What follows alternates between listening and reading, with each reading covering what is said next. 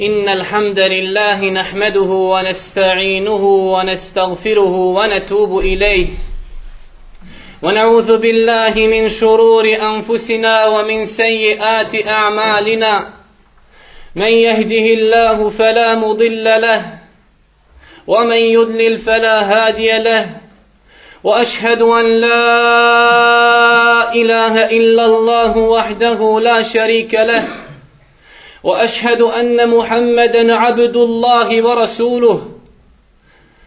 بلغ الرسالة وأدى الأمانة ونصح الأمة وجاهد في الله حق جهاده حتى أتاه اليقين فصلوات الله وسلامه عليه إلى يوم الدين.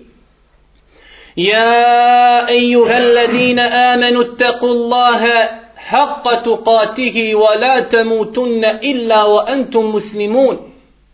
يا أيها الناس اتقوا ربكم الذي خلقكم من نفس واحدة وخلق منها زوجها وبث منهما رجالا كثيرا ونساء واتقوا الله الذي تساءلون به والأرحام. إن الله كان عليكم رقيبا. يا أيها الذين آمنوا اتقوا الله وقولوا قولا سديدا. يصلح لكم أعمالكم ويغفر لكم ذنوبكم. ومن يطع الله ورسوله فقد فاز فوزا عظيما. ثم أما بعد. Braćo, danas ćemo uz Allahovu subhanahu wa ta'ala pomoć progovoriti nešto na temu koju sam ja naslovio kome je Allah subhanahu wa ta'ala objavio rat. Progovorit ćemo braćo moja draga nešto o kamati. Progovorit ćemo o argumentima koji govore o zabrani kamati. Govorit ćemo, braćo moja draga, o štetama koje proizilaze iz poslovanja kamatom. Kako štete po društvo, tako i po pojedince. Govorit ćemo na kraju o alternativama koje je Islam predložio ljudima kako bi sačuvao jedno društvo od kamati. Kada pogledamo oko sebe, braćo moja draga, vidjet ćemo da je ovaj veliki grijeh možda i najveći nakon širka, postao velika svakodnevnica. Postao je svakodnevnica kod velikog broja ljudi koji se deklarišu kao muslimani. Nažalost, muslimanska društva su preplavljena bankama koje se ne stide i ne boje da kažu da posluju sa kamatom. Naći ćemo neka društva koja su jadna kao ovo naše, da imaju takve banke, da ne stide se, niti se boje da kažu da posluju sa kamatom. U nekim drugim društvima naći ćemo banke da ne žele da kažu da posluju sa kamatom. Nazivajući je drugim imenima, zamotavajući kamatu u celofan i tako je serviraju neukom muslimanskom narodu kojem fali najviše šerijatskog znanja, I oni to prihvataju zdravo za gotovom. A braćo moja draga, treba da znamo da šerijet ne gleda u celofan niti u ime, već gleda u načela i principe nekog poslovanja.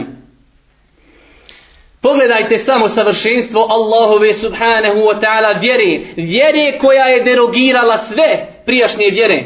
Kako mnogo pažnje posvećuje među ljudskim odnosima. Islam nije vjera koja pazi samo na čovjekovu vezu između njega i njegovog gospodara Allaha subhanahu wa ta'ala. Već je Islam vjera koja je toliko potpuna i savršena da mnogo pažnje posvećuje međuljudskim odnosima.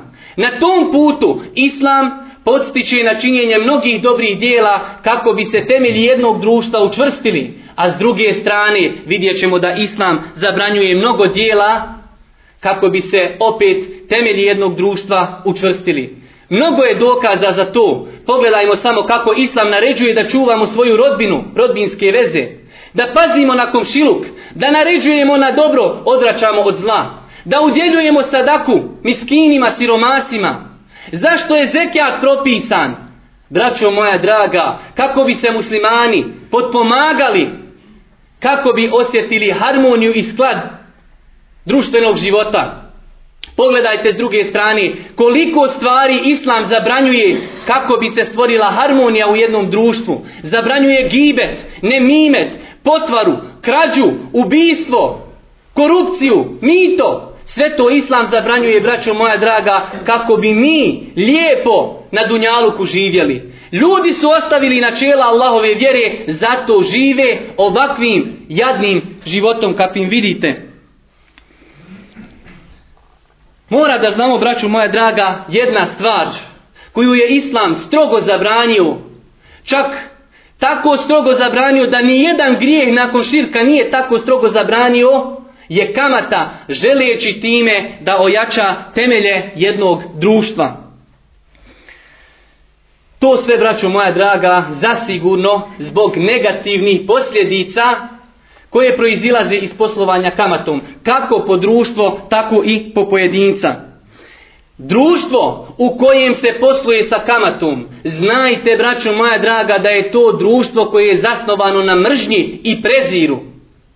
Ljudi koji drugima daju novac sa kamatom, najbolje čime se mogu uporediti jeste komarac. Oni ljudima piju krv.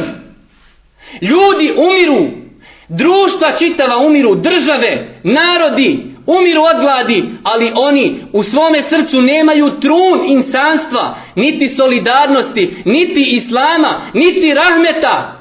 Mogu gledati insana da njegova porodica se rasipa zbog toga, ali u njihovim srcima nema, braćo moja draga, nimalo rahmeta. Takvo društvo, a naše društvo je jedno od tih, zasigurno su osuđena na propast.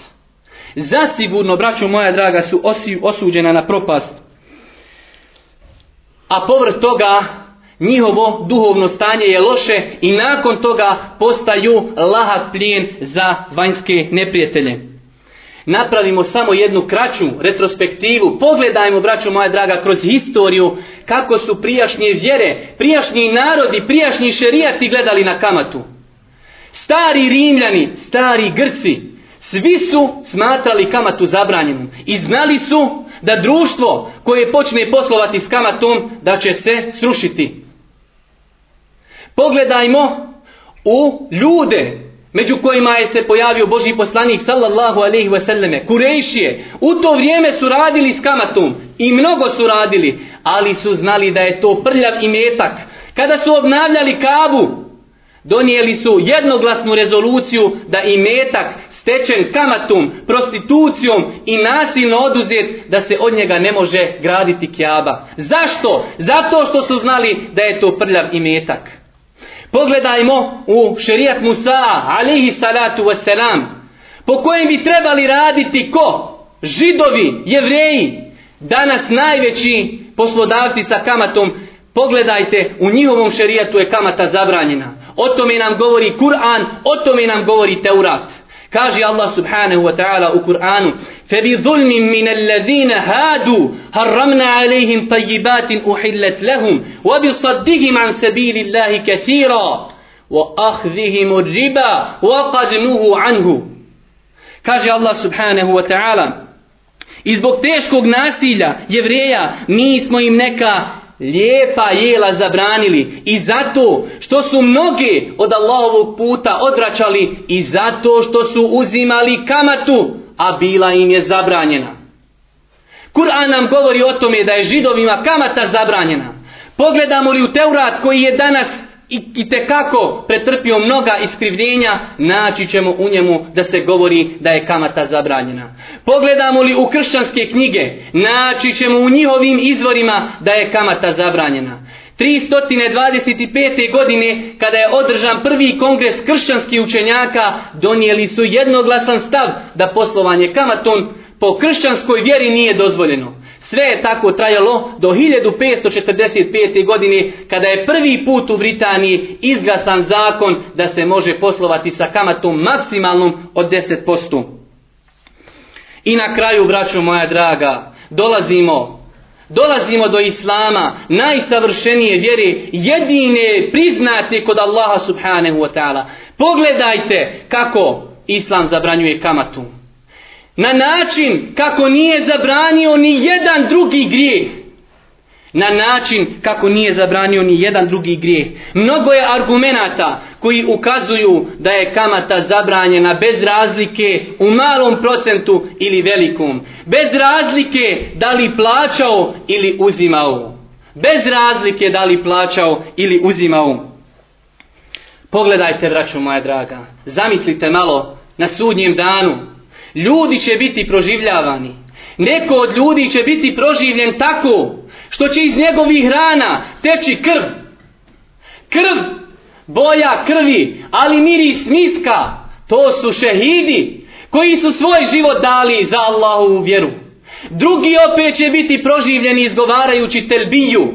Lebejk Allahume lebejk, odazivam ti se gospodaru. Zašto? Zato što su preselili na hađu. A neki će biti proživljeni kao onaj koga je šeitan dodirom izbezumio. Jeste li ikada vidjeli osobu u koju je ušao šeitan? Kako se ponaša? E tako će biti neke osobe proživljene na sudnjem danu. Ko su? To su oni koji su baratali sa kamatom na dunjaluku. الذين يأكلون الربا لا يقومون إلا كما يقوم الذي يتخبطه الشيطان من المس ذلك بأنهم قالوا إنما البيع مثل الربا وأحل الله البيع وحرم الربا Kaže Allah subhanahu wa ta'ala Oni koji su poslovali sa kamatom ustaće, bit će proživljeni na sudnjem danu kao onaj koga je šeitan dodirom izbezumio. Zato što su govorili trgovina je isto i kamata. Pa Allah odgovara na taj njihov govor. A Allah je dozvolio trgovinu, a zabranio kamatu. Allah je dozvolio trgovinu, a zabranio kamatu. Također, kaže Allah subhanahu wa ta'ala, Ja ejuhel ladina amenu teku Allah, wa zaru ma baqija minar riba, in kuntum mu'minin. Poslušajte ovaj ajet. O vjernici, koga doziva Allah u ovom ajetu, ne doziva nevjernike. O vjernici, kako započinje ajet, bojte se Allaha, priprema vjernike da budu spremni da prihvate propis koji će doći. Ostavite se kamati. ostavite se kamati. i kako završaj kuranski ajet, In kuntum mu'minin, ako ste mu'mini, zato neki tumači Kur'ana mu fesiri kažu, ne može se u srcu jednog insana, muslimana, sastati iskren i potpun iman i poslovanje s kamatom. Jer Allah kaže, in kuntum mu'minin, ako ste mu'mini, ostavite kamatu. Ako niste, odgovarat ćete za to. Također, Kaže Allah subhanahu wa ta'ala Ja ejuha ladina amanu La ta'kulu riba Ad'afan muda'afa Wattaku Allah Inna Wattaku Allah la'allakum tuflihun O vjernici, nemojte jesti kamatu. Allah Đelešanuhu nam govori, nemojte jesti kamatu i bojte se Allaha da biste uspjeli. Kako Allah Đelešanu nakon ovih ajeta kaže bojte se vatre وَتَّقُوا النَّارَ الَّتِي أُعِدَّتْ لِلْكَافِرِينَ Bojte se vatre koja je pripremljena za nevjernike. Poslovanje s kamatom je osobina nevjernika i oni će biti u vatri. Zato Allah straši vjernike sa vatrom, braćo moja draga. Ovi ajeti, samo da je došao jedan, bilo bi dovoljno da vjernik svati da je mu'min da je kamata zabranjena. A braćo moja draga, pogledajte sljedeći ajet. Pogledajte sljedeći ajet. Da vidite kako Allah Đelešanu strogo zabranjuje kamatu. Nakon onog kuranskog ajeta kada Allah doziva vjernike pa kaže o vjernici ostavite kamatu ako ste pravi mu'mini pa kaže Allah subhanahu wa ta'ala fa illem tef'alu fezenu bi harbin min Allahi wa rasuli. A ako ne ostavite, eto vam onda rata od Allaha subhanahu wa ta'ala i njegovog poslanika. La ilaha illa Allah. Eto vam onda rata od koga? Od Allaha subhanahu wa ta'ala. La ilaha illa Allah. Zamislite, braćo, da nekom od nas samo jedan policara, policajac šamar udari. Sve bi ti pričao. Kamo da ti neka država rat objavi? A kom rat objavljuje? Objavljuje ga Allah subhanahu wa ta'ala iznad sedam nebesa. Objavljuje ti rat onaj koji je svojio zemlju i nebesa. Kada hoće nešto samo kaže budi i ono bude. Zaista su hrabri. Zaista su hrabri svi oni koji posluju sa kamatom. Zaista su hrabri jer su se upustili s kime u rat. Upustili su se u rat sa uzvišenim Allahom subhanahu wa ta'ala.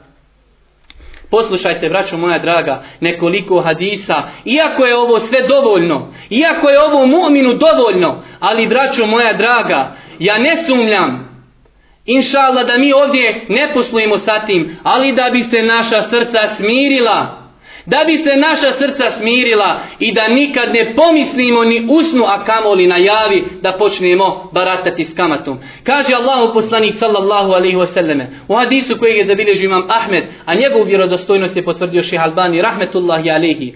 Dirhemu riba yakuluhu ar-rajul wa huwa ya'lamu ashaddu min sittatin wa thalathine zinje. Da čovjek pojede jedan dirhem kamate, a zna da je kamata, gore je nego da počine 36 zinaluka i prostitucije. Svi mi znamo kako je prostitucija žestoko zabranjena u islamu, a jedan dirhem, jedan srebrenjak kamate je gori od 36 puta da čovjek počini nemoral. Hadis u Buhari i Muslimu od Ebu Hureyri radijallahu ta'ala kaže Boži poslanik Iđtenibu seb'a mubiqat. Ostavite sedam grijeha koji će uništiti njihove počinioce.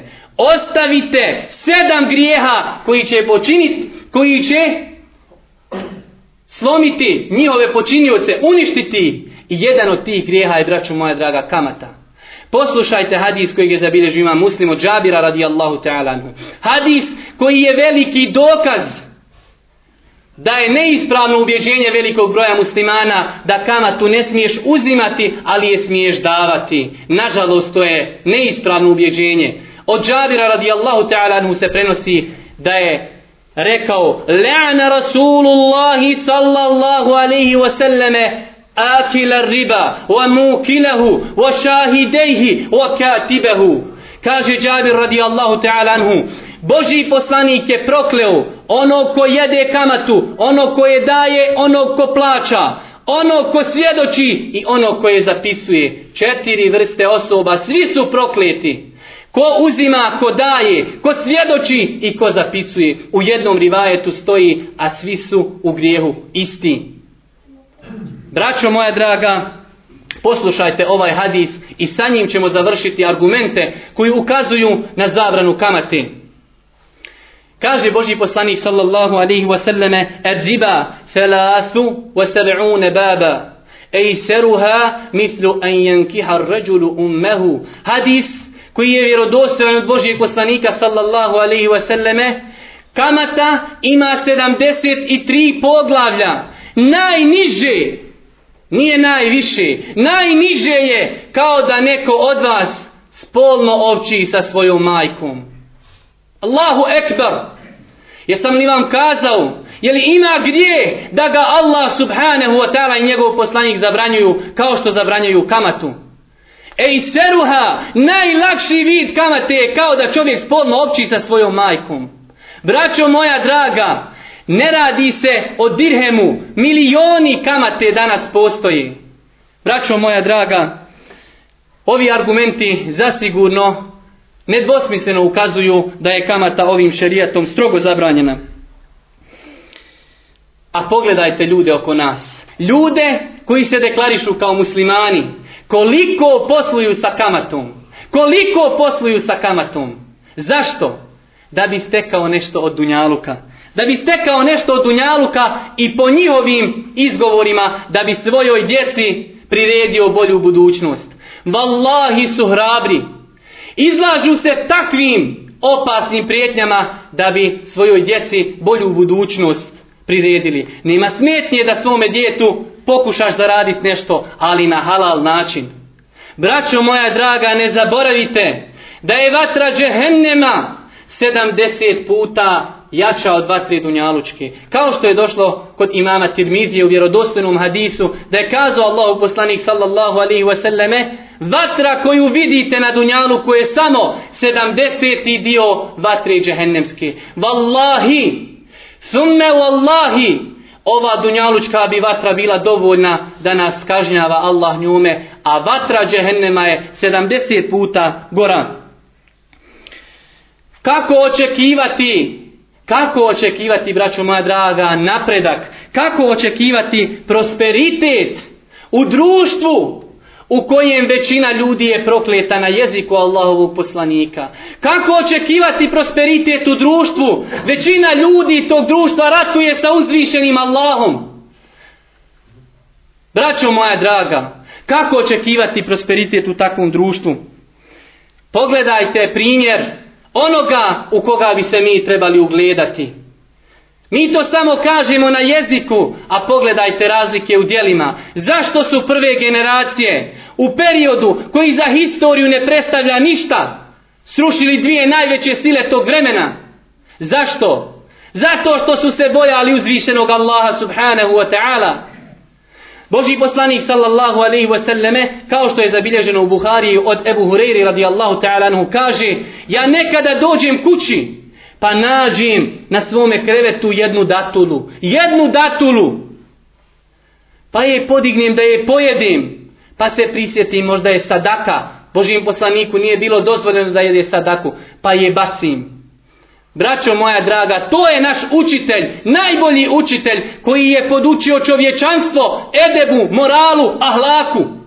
On je bacao samo jednu datulu, ne želijeći da pojede nešto što nije dozvoljeno. Iako mu je bilo dozvoljeno iz njegove kuće da pojedi. Pogledajte najboljih učenika od najboljeg učitelja. Ebu Bekr radijallahu ta'ala anhu, kao što je zabilježio imam Buhari od Aisha radijallahu ta'ala anha. Kaže Aisha, Ebu Bekr je imao jednog dječaka koji, koji mu je zarađivao.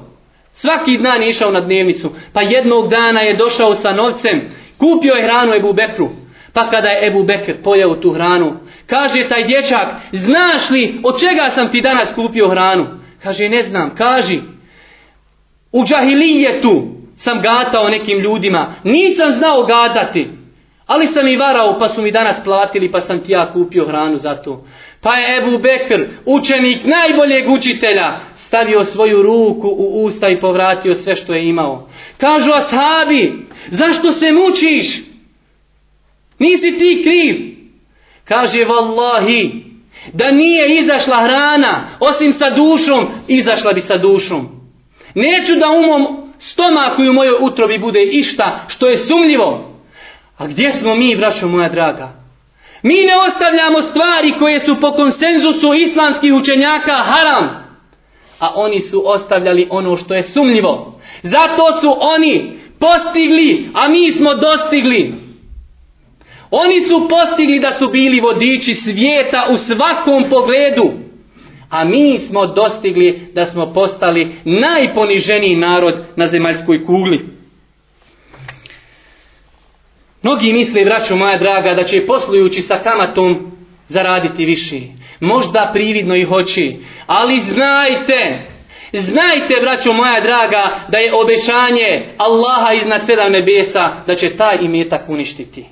Kada on obeća, on svoje obećanje nikada nije pronevjerio. Jenhaku Allahu džiba wa yurbi sadaqat. Allah uništa je kamatu a uzdiže, uzdiže sadaku i milostinju.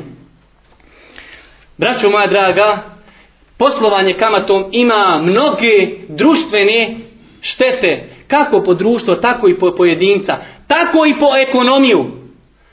Pogledajte samo jednu društvenu štetu koja može koštati sve nas ovdje. Nemoj misliti, brate, muslimanu, ako nisi od onih koji posluju kamatom, da ćete kazna zaobići. Wattaku yawman. Bojte se Allaha kada dođe kazna. Kada dođe kazna, neće kazna izabirati bolje i lošije. Uz sirova, uz suha i sirova goraj drva. Braćo moja draga, poslušajte hadis Božijeg poslanika sallallahu alaihi wasallam gdje kaže Ma zahara fil qawmi ez zina wa riba illa ehallu ala enfusihim iqab Allah. Neće se pojaviti u jednom društvu prostitucija, niti kamata, a da ti ljudi nisu na taj način otvorili vrata Allahovoj kazni. Braćo moja draga, Zamislite koliko su širom vrata otvorena Bosne prema kazni Allaha subhanahu wa ta'ala. Zato znajte, ako dođe kazna, da neće izabirati one koji su bili dobri. Također, poslovanje kamatom ima mnoge ekonomske štete i to govore govore ekonomisti zapada, normalno to govore i učenjaci islama. Pa ćemo naći da poslovanje kamatom obstruira i sprečava korisne projekte. Zašto? Zato što ljudi više voli da dobiva sigurno kamatu nego da ulaže pa da rizikuje. Također, poslovanje kamatom je razlog poskupljenja artikala. Zašto? Zato kada čovjek uzme kamatu, kada uzme dug, da bi vratio taj dug i tu kamatu mora povećati cijenu artikla kako bi to vratio. Također, poslovanje kamatom je razlog nezaposlenosti. Ljudi ne žele da ulažu i metak u korisne projekte, već daju samo u pozajmicu. Postoje, braćo moja draga, u današnjem vremenu naj više rašireno da ljudi uzimaju kamatne kredite, progovorit ćemo u nekoliko minuta kako Islam gleda na davanje kredita i time ćemo ako Bog da završiti ovu našu hudbu. Alhamdulillahi Rabbil Alamin. والصلاة والسلام على أشرف الأنبياء والمرسلين نبينا محمد وعلى آله وصحبه أجمعين Braćo moja draga, Islam, vjera, potpuna, nije zapostavila taj segment ljudskog života da čovjek može biti u potrebi da mu treba pozajmica. Zato ćemo vidjeti da u knjigama fikha postoje kompletna poglavlja, poglavlja koja govore kako čovjek da uzme dug, kako da ga vrati i propisi koji se vežu za to. Možemo samo kazati u nekoliko rečenica da je islam vjera koja podstiče na davanje dugova normalno, bez kreditni. Prva stvar, to je, braćo moja draga, opći vid pomaganja braća muslimana. Kaže Allah subhanahu wa ta'ala وَتَعَوَنُوا عَلَى الْبِرْجِ وَتَقْوَ Potpomažite se u bogobojaznosti i dobročinstvu. Kaže Allah poslanik sallallahu alaihi wasallame Allahu fi auni l'abdi ma kane l'abdu fi auni ahihi. Allah će biti na pomoći nekom od svojih robova sve dok on bude na pomoći svom bratu muslimanu. Također, Znači možemo pozajmicu da gledamo s aspekta da je to opće potpomaganje, ali naćemo hadise vjerodostojne koji postiču na davanje zajma ili pozajmice. U hadisu koji ga zabilježio Ibnu Mađe, Od Ibnu Mesuda radijallahu ta'ala anhu sa vjerodostojnim lancem prenosilaca da je Boži poslanik sallallahu alaihi wasallam kazao Ma min muslimin yuqridu muslimen marratejni illa kaneke sadaqatin marraten. Nema niti jednog muslimana da nekom bratu dadne dva puta zajam, a da mu se neće upisati kao jedna sadaka. Pogledajte, braćo moja draga, kako Islam postiče na davanje dugova. Također, Islam nas uči kada nam je neko dužan, ako ne može da vrati, da mu odgodimo bez kamate, braćo moja draga. Da mu odgodimo bez kamate. Kaže Allah subhanahu wa ta'ala وَإِنْ كَانَ ذُو عُسْرَةٍ فَنَذِرَةٌ إِلَى مَيْسَرَ A ako je u nevolji, onda pričekajte dok čovjek bude imao. I ona zadnja stvar, ona koja boli sve nas, a to je Islam je regulisao i onim ljudima koji uzimaju, ka, koji uzimaju dug, pozajmicu kako da se ponašaju. Nažalost, mi smo svjedoci u ovim vremenima da ljudi uzimaju pozajmicu pa onda odugovlače iz neopravdanih razloga. Treba da znamo, braćo moja draga, da oni koji to čine, da su to nasilnici i zulumčari. Kaže Allahu poslanik sallallahu alaihi wasallame, matlul ganigi zulm, hadisu Buhari i muslimu, gdje stoji, odugovlačenje one osobe koja ima da vrati, a ne želi da vrati, je zulum. Boži poslanik sallallahu alaihi wasallam je to nazvao zulmom.